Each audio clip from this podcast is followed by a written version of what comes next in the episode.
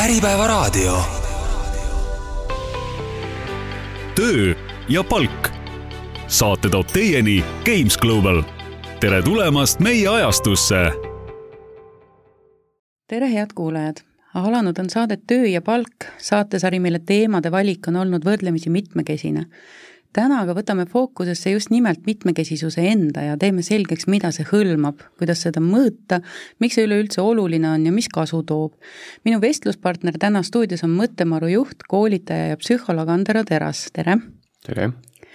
Septembri algul toimus Äripäeva personaliuudistel konverents nimega Palgapäev, mis seekord keskendus äh, erinevatele tööga seotud nähtustele äh, hinnasildi külge riputamisele. Ja muuhulgas uurisime ka seda, mis maksab mitmekesisus. Ja, ja sellekohases vestlusringis oli teemat lahti harutamas lisaks minu tänasele saatekülalisele ka Ragn-Seltsi personalijuht Maarja Mölder ja Ericsson Eesti personalijuht Marge Rehepapp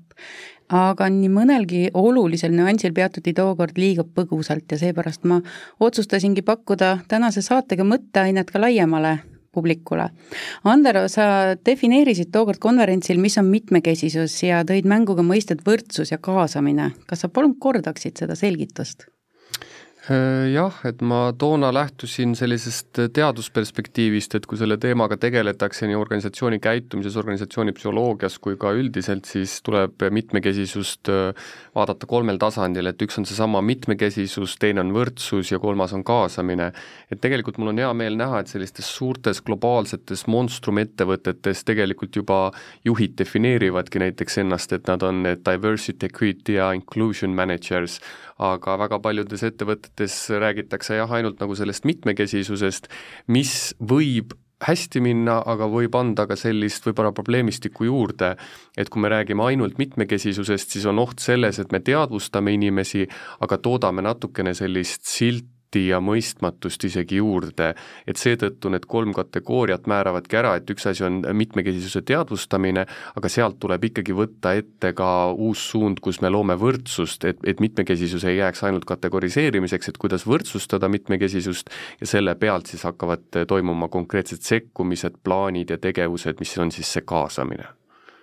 miskipärast kerkivad sõna mitmekesisus kuuldes esile esmalt äh, sooline ja vanuseline mitmekesisus, äh, samuti võib-olla kuulumine mõnesse vähemusgruppi nagu LGBT, välismaalane, väikese lapse ema ja nii edasi. see on aga üsna pealiskaudne vaade, keda me töökeskkonnas peaksime või, või võiksime veel eristada äh,? Jah, jällegi see vastus on, on, on nii lai põhimõtteliselt, kui on äh, inimesi maailmas, kui kuidagi niimoodi roosamannalikult ja pehmelt läheneda, et tegelikult äh, noh, kust tuleb see, et meil tekib see mitmekesisus, inimpsüühika saab niimoodi natuke lihtsamini hakkama, kui ta kategoriseerib erinevaid nähtusi. et tegelikult, kui meil on maailmas kaheksa miljardit inimest, siis me peame ikkagi ütlema, et olenemata sellest, et me oleme inimliik, siis me kõik olemegi väga erinevad ja individuaalsed ja isiku, isiksused ja isikud, et see ongi ka juba nagu mõnes mõttes mitmekesisus. aga me ei saa toimetada kõige kaheksa miljardi unikaalsete lähenemist või, või unikaalsete nagu olemustega ja seetõttu oleme me siis hakanud nagu kategoriseerima teatud tüüpe või haigusi või eripärasid või häireid või, või vähemusgruppe, et kuidagi meil on lihtsam mõista siis näiteks sadat miljonit inimest, kes kuuluvad siis mingisugusesse koondgruppi. aga, aga, aga see lähenemine mõnes mõttes jah, kui võtta humaanselt, ongi natuke võõras, et et me paneme nagu inimesed gruppi, et saada aru nende näiteks LGBT olemusest, noh, ma, ma, ma nagu ei saa aru, et mida see siis väga tegelikult inimeseks olemise juures, eks ole, muutma peaks. et jah, et tuleks nagu näha pigem ikkagi seda inimese olemust seal taga ja siis nagu aru saada, et see mitmekesisus jah, sellega tuleb arvestada, aga teda ei tohi nagu ka ettekäändeks võib-olla tuua teinekord jaa, ma tahtsin just küsida, et miks see, miks see mitmekesisus oluline on, et miks on oluline eristada selliseid erinevaid, erinevaid gruppe? Äh, noh, ma arvan, et äh, pigem on ta oluline siis, kui me näeme, et lähtuvalt inimese psühhoharimatusest või teadmiste puudumisest või oskuste puudumisest hakatakse mõnda sihtgruppi siis väärkohtlema, et panemagi ebavõrdsusesse seisu ja siis sellele tähelepanu juhtimine, et teatud inimesed kuuluvad mingisugusesse gruppi, keda me oleme seni kas mööda vaadanud või alahinnanud või, või, või muul moel nagu ebavõrdsesse positsiooni pannud, siis on jah, sellest nagu oluline jõulisemalt rääkida ja öelda, et mitmekesisus hakkab pihta sealt, kus ma saan aru, et, et mina olen mina, aga see ei tähenda, et teine inimene Äh,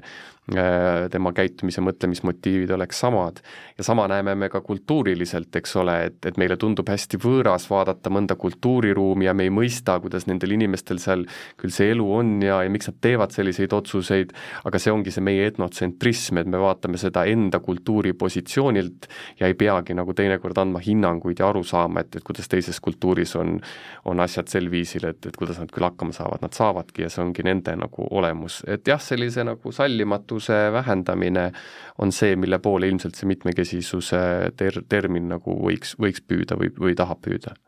Nii, aga miks on mitmekesisus oluline töökeskkonnas, miks peab olema töökeskkond mitmekesine, mis sellest head on, mis sellest kasu on, lihtne oleks ju kõik oleks sarnased, oleks konflikte võib-olla vähem. Äh, noh, siin võib ju vastust anda äripsühholoogia vaatenurgast, inimpsühholoogia vaatenurgast, äh, noh, kui, kui kõige pehmemalt tasandilt alustada, siis ma arvan jaa, et nagu ka seal palgapäeva üritusel välja tuli, et see top üks põhjus ikkagi, miks inimesed täna mingisse ettevõttesse tööle tahavad tulla, on see, et nad tunnevad, et nad kuuluvad kuhugi, see töökeskkond mõistab inimese olemust ja sellepärast ettevõtluses ongi oluline, et kui me väga, väga nagu eksplitsiitselt seda väljendame, et mitmekesisus on meie jaoks oluline ja näitame, kuidas me selle poole püüdleme, siis inimesel on mugav sellises asutuses töötada, sest ta tunneb, et ta ei pea nagu varjama kriitilisi ol-, olukordi, kus ta tunneb, et ta võib-olla ei, ei, ei, ei suuda endast seda töösooritust välja panna. aga äripsühholoogiliselt noh, kui me võtame näiteks nõnda, et juhtkond, börsifirma juhtkond on väga homogeenne oma otsustes ja mõtlemises väga ühetaoline, siis tekib ju küsimus, et kust tulevad siis nagu uued ideed ja, ja, ja ärisuunad, et me ei saa lõpuks ainult rajaneda sellele, et meil on äristatistika ja, ja majandusprognoosid, vaid keegi peab ju ka nagu loominguliselt mõtlema, et kuidas see kogu pilt kokku panna ja seal, mida mitmekülgsemad on inimeste kultuuri või, või vanuse või sootaustad, eks ole, seda rohkem neid mõtteid lauale tuleb. et esimesel pilgul jah, tundub, et, et konflikte oleks vähem ja asjad oleksid sujuvad, aga noh, minu jaoks on täna see nagu probleem näha, kui tippjuht ei oska toia tulla just nende konfliktsete ja pingeliste olukordadega, mille najalt ju tegelikult see areng tekib. ja teinekord jah, see konflikt ei olegi nagu konflikt iseendas, vaid just selles mõistmatuses, et kuidas minust nelikümmend aastat noorem või vanem inimene seda olukorda või riski tajub näiteks nii et see eh, MBK, ma siin moodustasin eh, sujuvalt eh, sellise tähtlühendi mitmekesisus, võrdsus, kaasamine, et kas see MBK peaks olema siis lausa osa ikkagi personali või, või lausa äristrateegiast? Äh, globaalsetes ettevõtetes, keda ma koolitan, ta on väga jõuliselt sees, seal on, seal ei ole lihtsalt, et meil on personaliinimene, seal on eraldi see MBK inimene, noh inglise keeles see lühend on täpselt teadusartiklites ka DEI nagu, et see MBK on, on, on, on nagu hästi äh, koostatud sul, aga jah, on, on eraldi inimene selle peale, sest kui mul on tiimiliikmed Singapurist San Francisconi, siis neid on lihtsalt nii palju ja selle unikaalsusega tegelemine eeldab oma ametipositsiooni, aga jah, kui ma olen väiksem ja, ja võib-olla mitte nii globaalne ettevõte, siis, siis ta võiks kuuluda personalistrateegiasse või, või vähemalt olla laual teemana, millest räägitakse ja millele aeg-ajalt ikkagi eraldi tähelepanu juhitakse. Aga mitmekesisus ongi ju, ju väga mitmekesine, seda võib olla näha, võib-olla mitte näha, lihtne on mõõta näiteks, palju meil on mehi või naisi, aga kuidas on selle nähtamatu mitmekesisusega, sellest on ju väga, väga raske kinni võtta jah, ja, ja samas ka ei, et, et me võime ju nagu tegelikult mõelda selle peale, et alles oli võib-olla seitse aastat tagasi, kui meil olid need nähtamatud inimesed, kes kuidagi vajusid koju ära ja, ja muutusid töövõimetuks ja täna me saame öelda, et üha rohkem inimesi ütleb, et mul on töövõimetus, sest ma olen äh, ärevushäire või depressiooni küüsis ja ma praegu pean enda, enda jaoks nagu aja maha võtma. et ma arvan, et see aeg ja ühiskonna küpsemine ja, ja mida rohkem ka ettevõtted ja asutused veavad seda, seda brändi, nii-öelda mitmekesisuse brändi või või olemust, aitab ka inimestel seda teemat teadvustada, noh siin siin võib ju tegelikult, see vaimne tervis tuli ju pilti kõvasti ennem Covidit, ütleme niisugune viis aastat ennem, aga Covid andis sellele mõnes mõttes väga positiivse lükke, et nüüd nagu kõik said aru, et tegelikult miski murrab meid, et, et noh, mõnes mõttes see Covid oli nagu peksupoiss, aga aitas nagu rohkem seda teemat tuua lauale, et, et ma ei pea ennast tundma nagu vähemusgrupis, kui ma sellest räägin. ja ma arvan, et sealt edasi võikski väga paljude selliste sihtgruppidega äh, siis äh, nõnda minna, aga ma tooksin siia juurde ka sellise termini nagu voice behavior, mis on nagu üks metoodika või, või selline sekkumine, mida asutustes saab korraldada et ei saa ainult panna asutusele seda vastutust, et, et, et mina pean leidma need inimesed üles ja mina pean midagi tegema, vaid tegelikult just asutus saab mõnikord tõsta inimestes seda enesetõhusust ja enesehinnangut ja enesekindlust, et nad leiaksid üles selle nii-öelda voice behavior'i rääkida oma vajadustest. sest tõesti noh, sellisel pahaaimamatul kombel ma ei pruugigi aru saada, et minu metoodika on vale, lähenedes inimesele, kes ei ole mulle öelnud, et tal on näiteks seal noh, Aspergeri või, või autismispektri äh, nii-öelda eripära või ATH eripära ja ma lihtsalt mõtlen, et näed, et ta kuidagi ei, ei taha siin oma tööd teha ja ja vot nüüd ongi, et fifty-fifty on natukene see see nii-öelda mitmekesine või, või vähemusgruppi kuuluv inimene, tal ikkagi võiks olla see voice behavior, aga asutus peab looma selleks jah, nagu turvalise pinnase jaa, sa jõudsid minust nüüd natukene ette, ma tahtsin just küsida, et sa mainisid konverentsil ka neurotüüpilisust ja neuroatüüpilisust, et mida need mõisted tähendavad ja miks neid on oluline märgata ja kaasata mm? -hmm kusjuures äh, ma isegi siin äh, ühel talvel tegin Eestis ühe töötoa, kuidas kaasata ATH ja autismi äh,, autismispektri häirega inimest töökeskkonnas ja seal tuli mulle nii suure üllatusena, et oli sama reaktsioon, et, et üks väga suur, noh täiesti ekspert omal alal ütles, et oi, et nii tore, et sa tulid rääkima, et ma ei olnud kunagi kuulnudki seda terminit neurotüüpiline. et tegelikult see neurotüüpiline ja atüüpiline on ikkagi päris mitukümmend aastat olnud juba sellises teadusringkonnas nagu terminoloogina te,, terminina sees. aga mida ta tähendab, ta tähendabki seda, et, et me, me kipume vaatama inimesi läbi nende häirete ja haiguste, aga teatud nii-öelda teadustulemuste ja uuringute taustal me hakkame pigem nagu nägema seda, et aju kas toimib nii-öelda tüüpilisel moel või ebatüüpilisel moel. ja mis täna siis kaasaja, kaasaegsel lähenemisel mitmekesisuse taustal tähendab seda, et et me ei peakski enam näiteks ATH-d käsitlema võib-olla häirena, vaid just sellise sellise neuro ebatüüpilisusena, et me ei saa öelda, et, et ATH on tingimata häire, sest häire on miski, mille peab elimineerima. aga ATH puhul võib-olla tuleks tähelepanu pöörata sellele, et kui me ehitame ATH inimese ümber väga õige töökeskkonna ja tingimuse ja inimene ka ise rohkem nagu ennast juhib, siis see on miski, millega ta ei, ei, ei ainult ei kannata, vaid see võib talle ka nagu tööalaselt võib-olla väga palju edu tuua. ehk siis ei saa nagu nii puhtalt öelda, et see on häire, mille elimineerimisel inimese elu kindlasti paremaks läheb. Versus näiteks depressiooni võib käsitleda häirena või, või haigusena, noh, psüühikahäirena on teda õigem öelda, sest depressiooni elimineerimisel on, on ikkagi suhteliselt kindel ja loogiline, et inimese elukvaliteet paraneb. ja noh, see neurotüüpiline tähendabki seda, et ma olen alati tippjuhte nagu pannud mõtlema, et et nimetage ennast siis lihtsalt neurotüüpiliseks äh, inimeseks, kes funktsioneerub ühiskonnas, mis ongi ehitatud tegelikult neurotüüpiliste inimeste vajadustele vajaduste alusel ja täna me siis pigem kipume nagu neid neuroebatüüpilisi, kes võivad meile äriliselt väga kasulikud olla, noh, me, me ei oska neid kaasata, sest kõik protsessid on selle neurotüüpilisuse ümber nagu kerinud nii et ta tegelikult ei tähendagi mitte midagi väga erilist, inimene, kes mõtleb, et ta on keskmine hall hiireke ja tal ei ole midagi nagu häda ja tunneb ennast muidu hästi, siis see ongi neurotüüpiline aju, mis, mis toimib nii, nagu umbes inimese aju toimib. Ja siis on, eks ole, eripärad, kus, kus me räägime juba sellest, et aju on mingil moel täiega gaasi põhja pannud ja, ja see pidurdusfunktsioon lihtsalt selles ajus eh, biokeemiliselt ei tööta, aga kuna ta ei ole ka otseselt häire, siis võib rääkida, et see võib-olla on neuro-atüüpiline või neuro-ebatüüpiline miks sa arvad, et oleks kasulik selliseid inimesi rohkem meie töökeskkonda integreerida?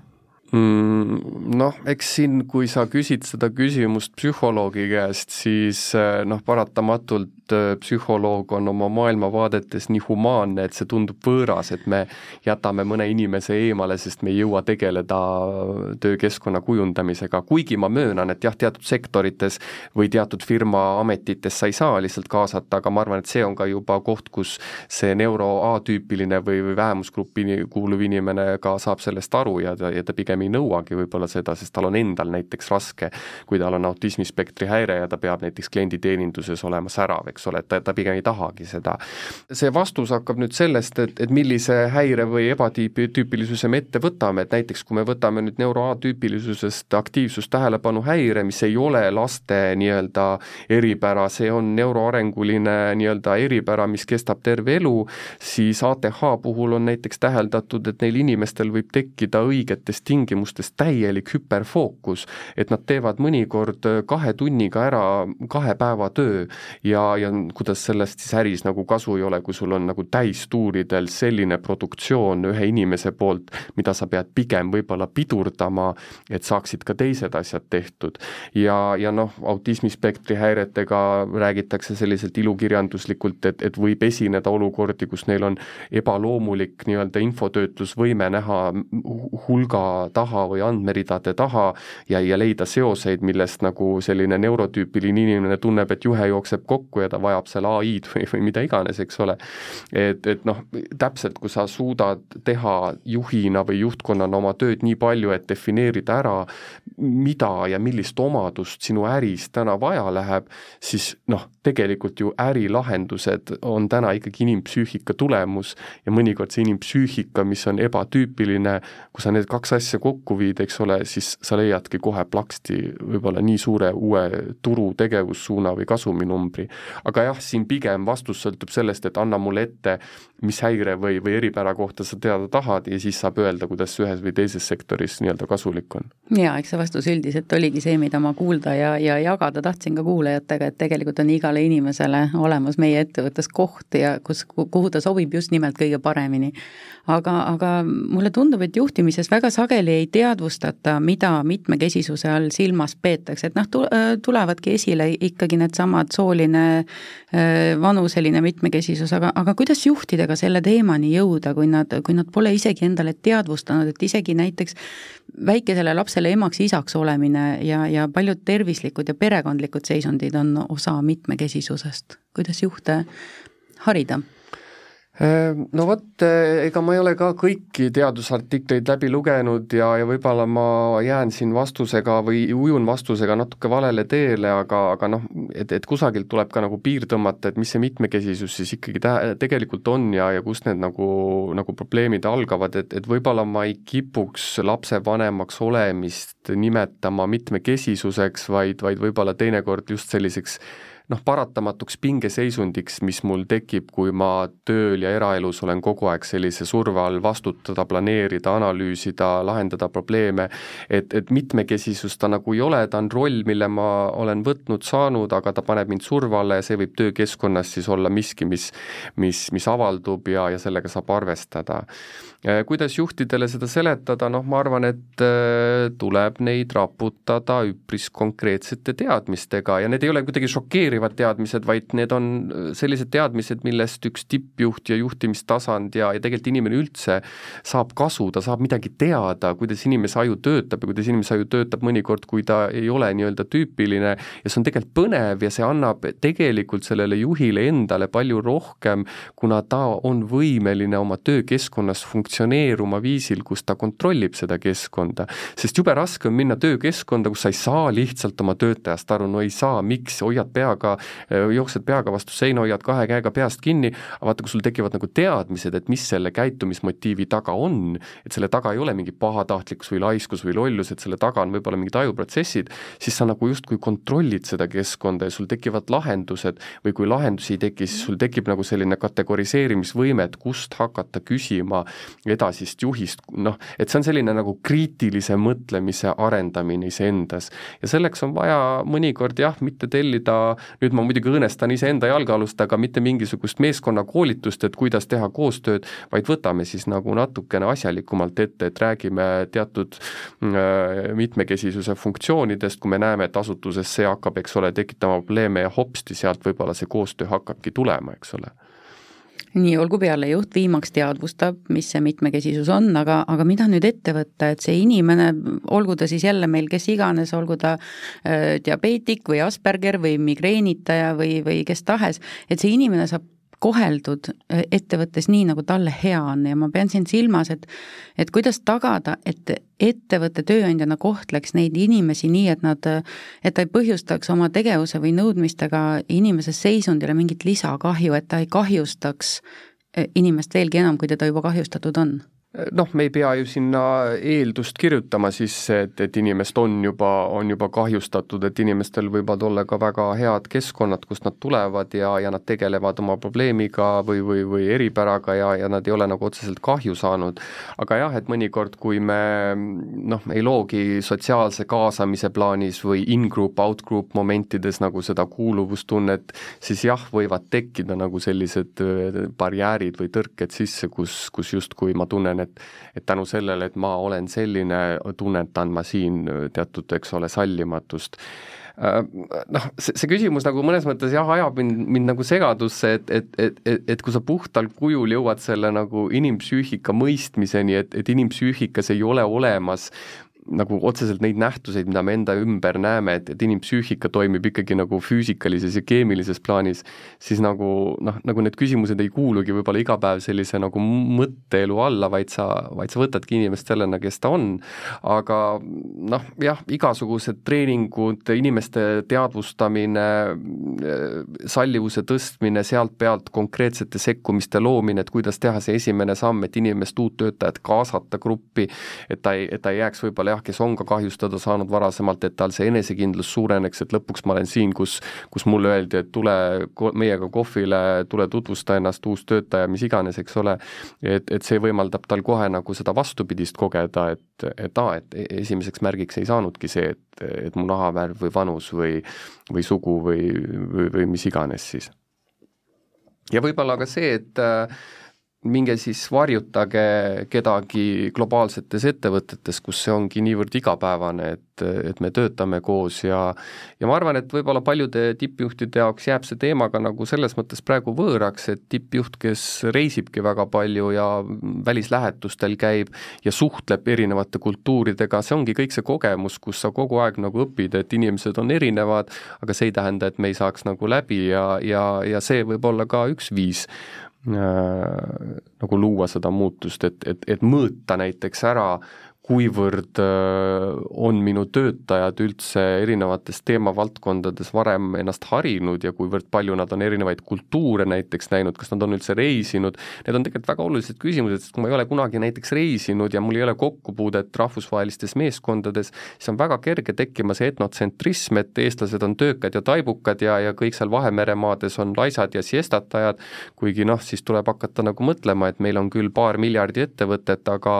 aga pigem on meil meil see suitsiidistatistika ja vaimse tervise kehv statistika nagu väga-väga halvas seisus ja, ja samas, kus Vahemere maades võib-olla on, on, ongi just see väike puhkus see, mis hoiab neid inimesi töös. Ja vot sealt tuleb see sallivus, et me otsime iga positiivse asja juurde, mis me iseendas tahame näha võib-olla või oma grupis, nagu ka vähemalt ühe asja, millega me siis tegelikult tunneme, et oleks vaja tööd teha ja, ja võib-olla rahul ei ole, ja see aitab nagu aru saada, et, et alustaks kõigepealt endast ja ärme haugu siis teiste kallal, eks ole. Nii, kuule, aga kui me tavapäraselt näiteks kaubanduskeskuses või tänaval, me oleme lihtsalt ütleme, jaguneme noored või vanad, mehed või naised, siis mitmekesisuse vaates me oleme nüüd soole ja vanusele lisaks äkki ka lühema staažiga või kõrgema sotsiaalmajandusliku staatusega või või ATH-ga düskalkuulikud näiteks või laktoositalumatud või Aasia päritolu, see on justkui vastuoluline, et, et püüdes sellist sildistamist vältida, me justkui saame siiski need sildid endale külge ja, ja meid jaotatakse nagu karpidesse, kusjuures igaühele sobib veel ka mitu karpi. et kas selline lahterdamine iseenesest ei või probleemiks saada ja hakata konflikte tekitama, et kas me tahame, et teised meie kohta liiga palju teaksid? jah, see on selles mõttes tegelikult päris äh, hea küsimus, et ähm, et, et esimene reaktsioon on, et ma ei tahagi, et teised mu kohta võib-olla väga palju teaks, aga, aga siis, kui ma hakkan nagu mõtlema, et mis selles nagu ka siis halba on, kui ma kõnnin ilma maskideta ja teadvustan oma, oma, oma eripärasid, et oluline on see, et ma neid aktsepteeriks ja vajadusel oskaksin ka sellest võib-olla huumori tekitada, et siis ma ei pea võib-olla kartma, et, et selle infoga keegi midagi halvasti teeb või, või kuidagi minuga konflikti satub, aga jah, eks siin ole tundlikud teemad andmete kaitses ja, ja, ja selles, kus, kus asjad võivad nagu kehvasti minna, et loomulikult ma ei pea igast asja hõikama ja ja see ei tule ka mulle kasuks võib-olla tänases ebaküpses ühiskonnas, aga, aga jah, nagu ma ütlesin, see kategoriseerimine ja sildistamine, see on lihtsalt üks viis, kuidas meie psüüh-, psüühika tuleb toime määramatu hulga äh, nagu teguritega, aga see ei tähenda, et meie psüühikas ei oleks teisi protsesse, mis võiksid anda sellele tähendused, aga see ei tähenda veel seda, et selles kategoriseerimises tuleks luua ebavõrdsust, pigem nagu seda mõistmist, et kuidas on võimalik, et, et, et teatud kategooriates inimesed mõtlevad siis teisiti, see on põnev ja ma üritan sellest aru saada, aga ma ei pea sinna sekkuma, et seda muuta. vaata, kui sa üritad nagu minna äh, teise kultuuri ja muuta seda endale sobivaks, noh siis sa saad ju aru, et, et, et see ei toimi nii, et sa lähed Indiasse ja palud kõigile enda järelt koristada ja lehmad ketti panna, eks ole, sest see lihtsalt ei allu sulle ja, ja see on selle nagu kultuuri väga suur joon. ja, ja sama on ka võib-olla nagu sellega tänava peal, et, et ükskõik, kes mulle vastu tuleb, ma ei hakka neid hinnanguid andma ja, ja, ja pigem tunnen nagu huvi, et, et mis selle taga võib olla ja pigem lähen loen natukene et noh, siin äh, noh, ala, tegelikult ju, kui ma nüüd õigesti faktiliselt mäletan, siis kas mitte seitsmekümnendatel veel ei diagnoositud homoseksuaalsust kui psüühikahäiret, eks ole. ja noh, teadus on sellelt ammu edasi liikunud, aga see ei tähenda, et teadusest teadmised on ka kultiveeritud rahvateaduses. ja vot see ongi nüüd see pika vinnaga asi, et, et, et kipud nagu nägema seda inimese aju hoopis teistmoodi ja tema ma ei tea, mingeid valikuid lähtuvalt sellest, et ta on homoseksuaal, noh, see on jällegi harimatus, eks ole, et, et, et kõlab halvasti, aga mõnes mõttes me saame kõik öelda, et et, et ma olen ka mitmekesine seepärast, et ma olen juuraalaselt harimatu. ma olen mitmekesine seepärast, et ma olen psühholoogia alal väga haritud, eks ole. et, et, et seda harimatust on alati võimalik natuke enda puhul siis tõsta ja, ja saada aru, et vot, et tegelikult nagu lahe, et kunagi nii, nii nagu lühinägelikult asja vaadati ja jumal tänatud, see aeg möödas on ja vot seda võib-olla omalt poolt siis nagu sõnumina kus iganes levitada on ju üsna kindel, et igas kollektiivis on igaühel mõni eripära äh,, nagu sa ka just mainisid äsja. et kas see peaks tagama erikohtlemise? oleneb. Äh, jaa, teatud eripärad nõuavad teatud töötingimusi, kus inimene suudab sooritada aga ikkagi on, on, on nagu mitmeid olukordi, kus inimene ei saa pugeda selle eripära taha, et, et ma, et ma pean saama erikohtlemise. et tegelikult isegi ATH puhul ju, mis, mis on nagu kliiniliselt või psühhiaatriliselt, eks ole, eripära ja, ja, ja seal on ka eriravimeetodid, öeldakse nõnda, et loomulikult ideaalsed keskkonnad aitavad inimesel paremini funktsioneeruda ja sooritada, aga parim viis ATH-ga inimesel hakkama saada, ükskõik mis tingimustes on see, on see nagu omaks võtta, aktsepteerida ja, ja, ja tegeleda sellega niipidi, et, et mitte nõudes alati endale siis nagu tingimusi, et, et noh, see on jälle see kontrollpositsiooni nagu, nagu hankimine iseendale. nii et äh, jah, kuhu see piir tõmmata, võib-olla kui sobrada natukene psüühikahäirete või eripärade materjalides, siis sealt saaks tõmmata ühe objektiivse piiri, võib-olla kui sobrada natukene poliitikas või ühiskonnaprotsessides, et näha, et, et meil on teatud vähemusgruppidega sallimatust rohkem, siis saaks sinna tuu-, tõmmata sellise sotsiaalse normi piiri, mida mida asutuses edendada, aga nagu ma ka ennem rääkisin, siis kõiki asju me ei pea pidama mitmekesisuseks, vaid lihtsalt inimeseks olemiseks, et, et noh, lapsevanemaid me saame kollektiivis võtta arvesse, et, et, et näed, et sa oled nagu, issand, kui tore, et minu lapsed on juba täiskasvanud, et ma saan ise ka puhata ja ma saan nüüd arvestada, et sul on tõesti võib-olla kodus teine töökoht, aga kas see nõuaks nagu alati erikohtlemist, ma, ma nagu ei, ei näe seda, et tegelikult siinkohal saab küll teha sügava tunnustuse Eesti riigile, kellel on maailmas ilmselt ainulaadne see poolteist aastat vanemapuhkus ja tegelikult inimesel endal jääb see vastutus, see puhkus nagu ka auga välja võtta, mitte nagu defineerida, et kusagil karjäärirongid sõidavad eest ära, olles siis pärast tegelikult võib-olla seal töökeskkonnas töövõimetu, kuna noh, eeldus ju sellest, et, et öösiti ma ikkagi kannan lapse eest hoolt, kes titana võib-olla ei maga väga hästi, panebki mind nagu ju päevasel ajal siis kõrgendatud pingesse aga võtame needsamad ATH-ga inimesed, et äh, tean, et neil on väga raske äh, tihtipeale alustada oma tööpäeva siis, kui, siis kui tööpäev algab. Vaid, vaid nad kipuvad seda alustama siis, kui neile sobib, et kas tööandja siin peaks, ütleme, tegema mingi möönduse või, või tulema vastu või arvestama, et ta ongi selline ja ta töötabki, ütleme, kaheteistkümnest kaheksani ma, ma tahaksin jah, case by case selle teema nagu selles mõttes lahti võtta, et, et analüüsida, et, et, et ei saa jälle niimoodi ühe puuga lüüa, et ATH inimese, tal ei ole võimalik näiteks tööpäeva alustada mingil kellal, noh tegelikult on, et võib-olla mõnikord see jääbki nagu kolme kuni viie kuni seitsme eelneva väikese sammu taha, mis tingib selle, et ma jooksen juba rappa endaga nagu selles aja planeerimises sammul X hommikul näiteks. et, et siin on see inimese vastutus, aga jah, ettevõte saaks mõelda, et, et, et kui me ei pane inimest graafikupõhisesse ametisse ja, ja laseme tal teha oma maagiat nendes tööülesannetes, kus meil ei ole oluline see ajaline määratlus, vaid võib-olla tähtaeg, siis äh, loomulikult äh, me ei peaks mõtlema, et et miks sa üldse kontoris ei käi ja miks sa, miks sa kell üksteist ei ole kättesaadav, et me teamegi juba, et tema tööülesanne ei eeldagi võib-olla alati äh, kontoris ja koosolekul olemist ja ühesõnaga jälle ikkagi viiskümmend, viiskümmend. et ATH puhul ma olen näinud jah, et, et, et mõnikord sellised lihtsad harjumused, teadvustamine, kuidas ma panen oma aju paremini toimima, aitavad mul tegelikult ka täita väga olulisi ja täpseid kohustusi, ta ei ole kerge, aga tõenäosus suureneb oluliselt nii, aga olgu peale, täna me tegeleme soolise, homme tegeleme vanuselise mitmekesisusega, siis integreerime autismispektrit, siis keskendume eh, jumal teab millele veel, personalijuht lehvitab iga kuu alguses uute teemadega, aga inimesed kehitavad õlgu, et mind see ei puuduta. Et oskad sa soovitada, kuidas paremini töötajaid kaasata kogu sellesse tähelepanu pööramisse, kui, kuidas neile märku anda, et see mind see ei puuduta, on natuke võib-olla isekas või silmakirjalik või lühinägelik või, või kuidas neile mõista anda, et et see, et sa pöörad sellele praegu tähelepanu, muudab midagi suures pildis, et nagu, nagu see, et sa korjad kommipaberi üles, on, on ju tegelikult keskkonnahoid, eks ole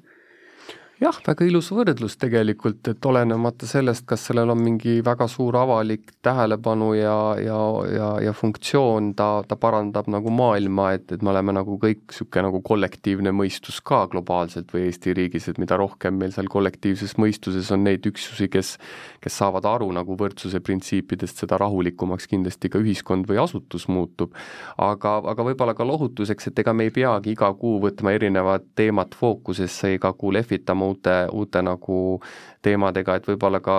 ka defineerida, mis on levinumad, mis on kriitilisemad,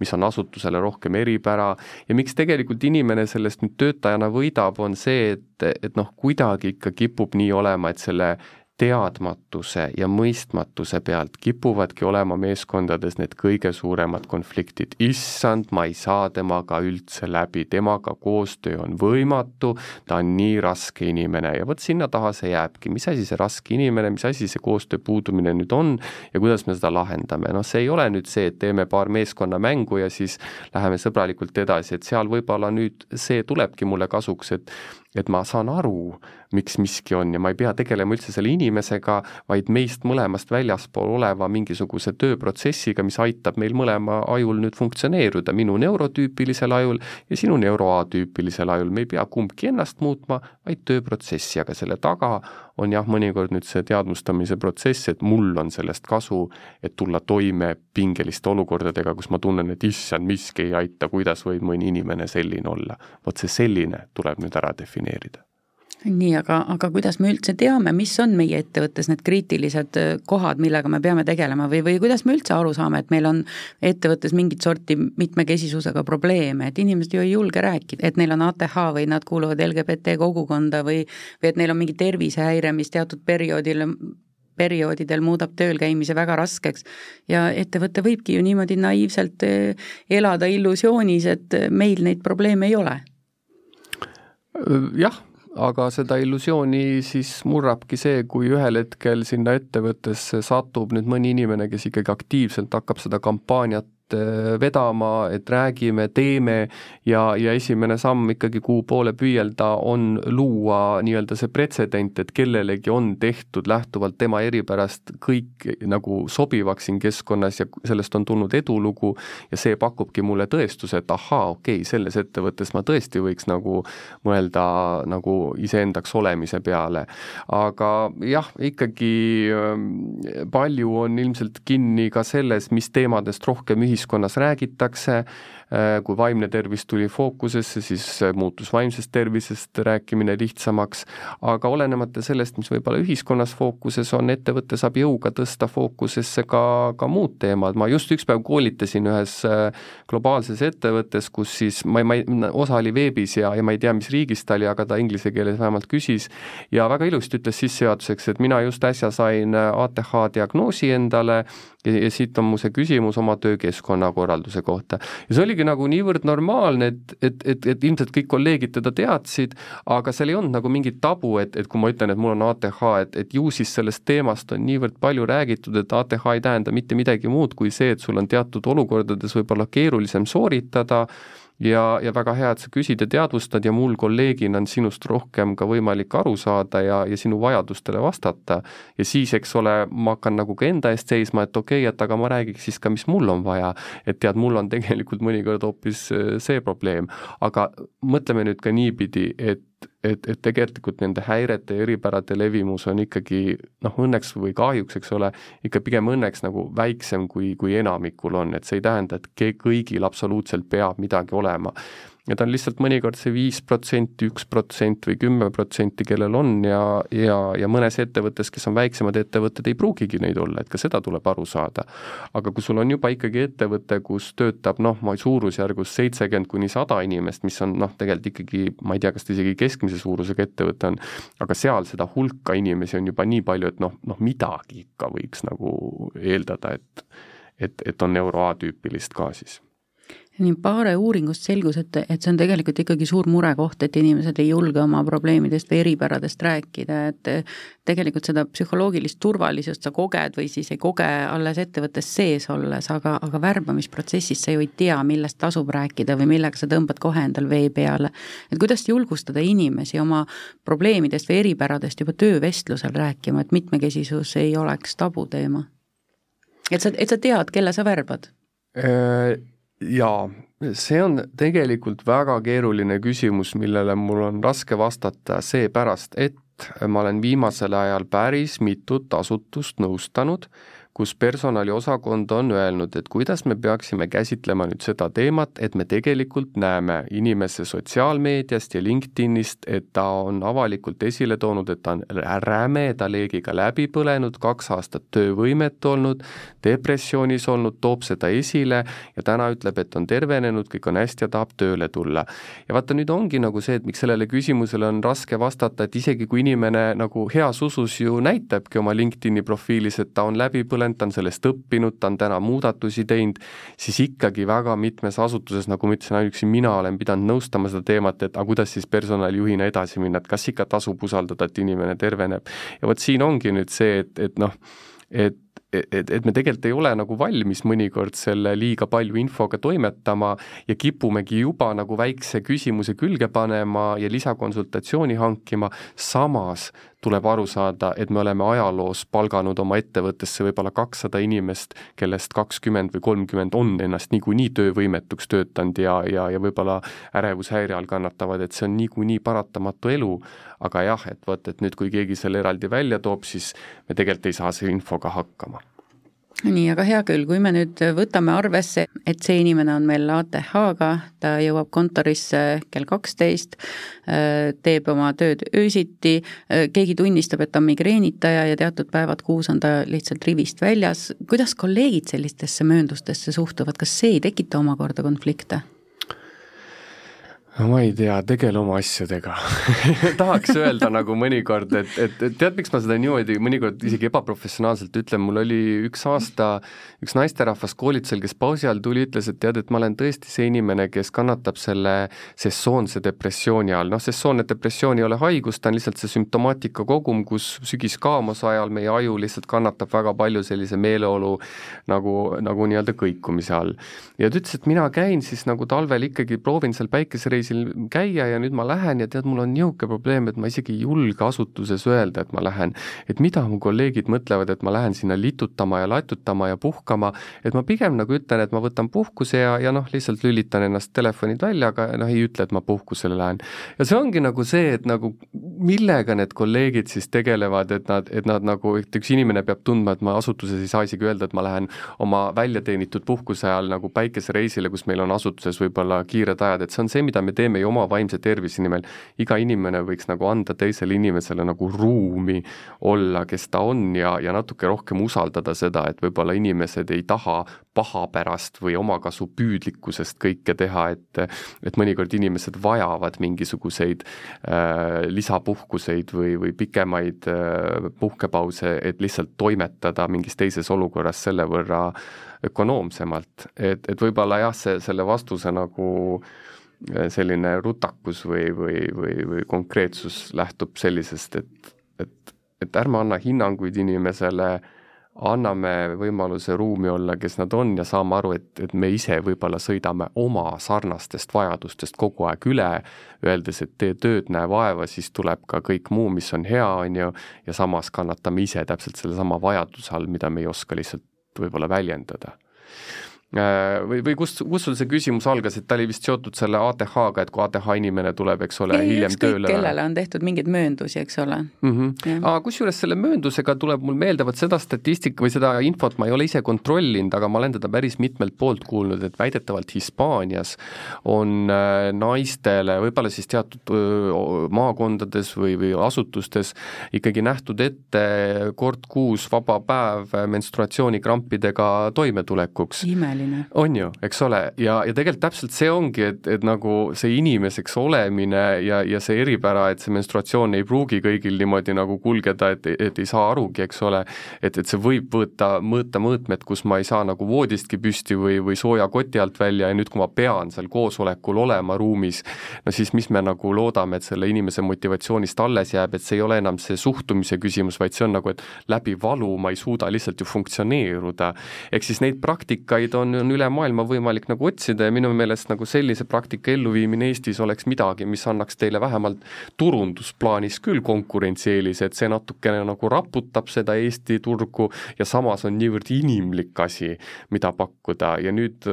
lihtsalt võib-olla natukene nagu vaigistada ennast seepärast, et aga äkki hakatakse ära kasutama. no noh, ma ei tea, see on nagu väga toores sel viisil siis hinnangute andmine ja, ja samamoodi migreenitajad ikkagi, rõhutan veel, et, et nad on ju ka teatud päevadel täiesti võimetud tulema pimedast toast välja, aga, aga samas haiguslehte kogu aeg sellega võtta on ju absoluutselt, absoluutselt, et ma, et ma arvan, et siin me jõuame tegelikult teemasse nagu hüvede pakett, et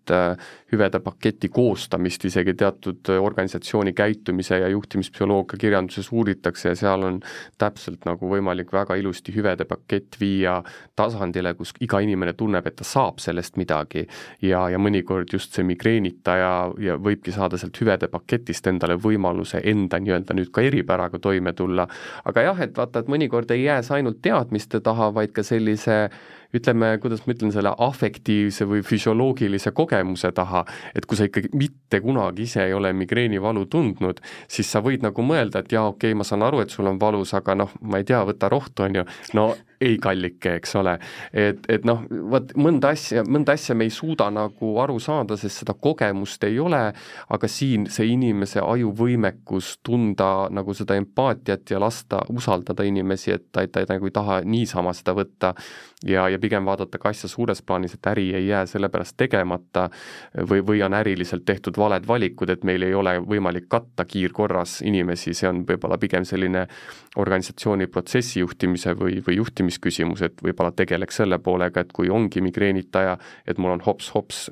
B ja C variant võtta, mis annab nüüd vabaduse mul seda plaani ka ellu viia. aga ma möönan, on sektoreid, kus jah, on seda väga keeruline teha, näiteks EMO või, või, või, või isegi militaarvaldkond või noh, midagi sellist, aga noh, mingeid mikromuudatusi saab ka siis teha nii et äh, lõppkokkuvõttes ikkagi see, selle väikese võimaluse, et, et seda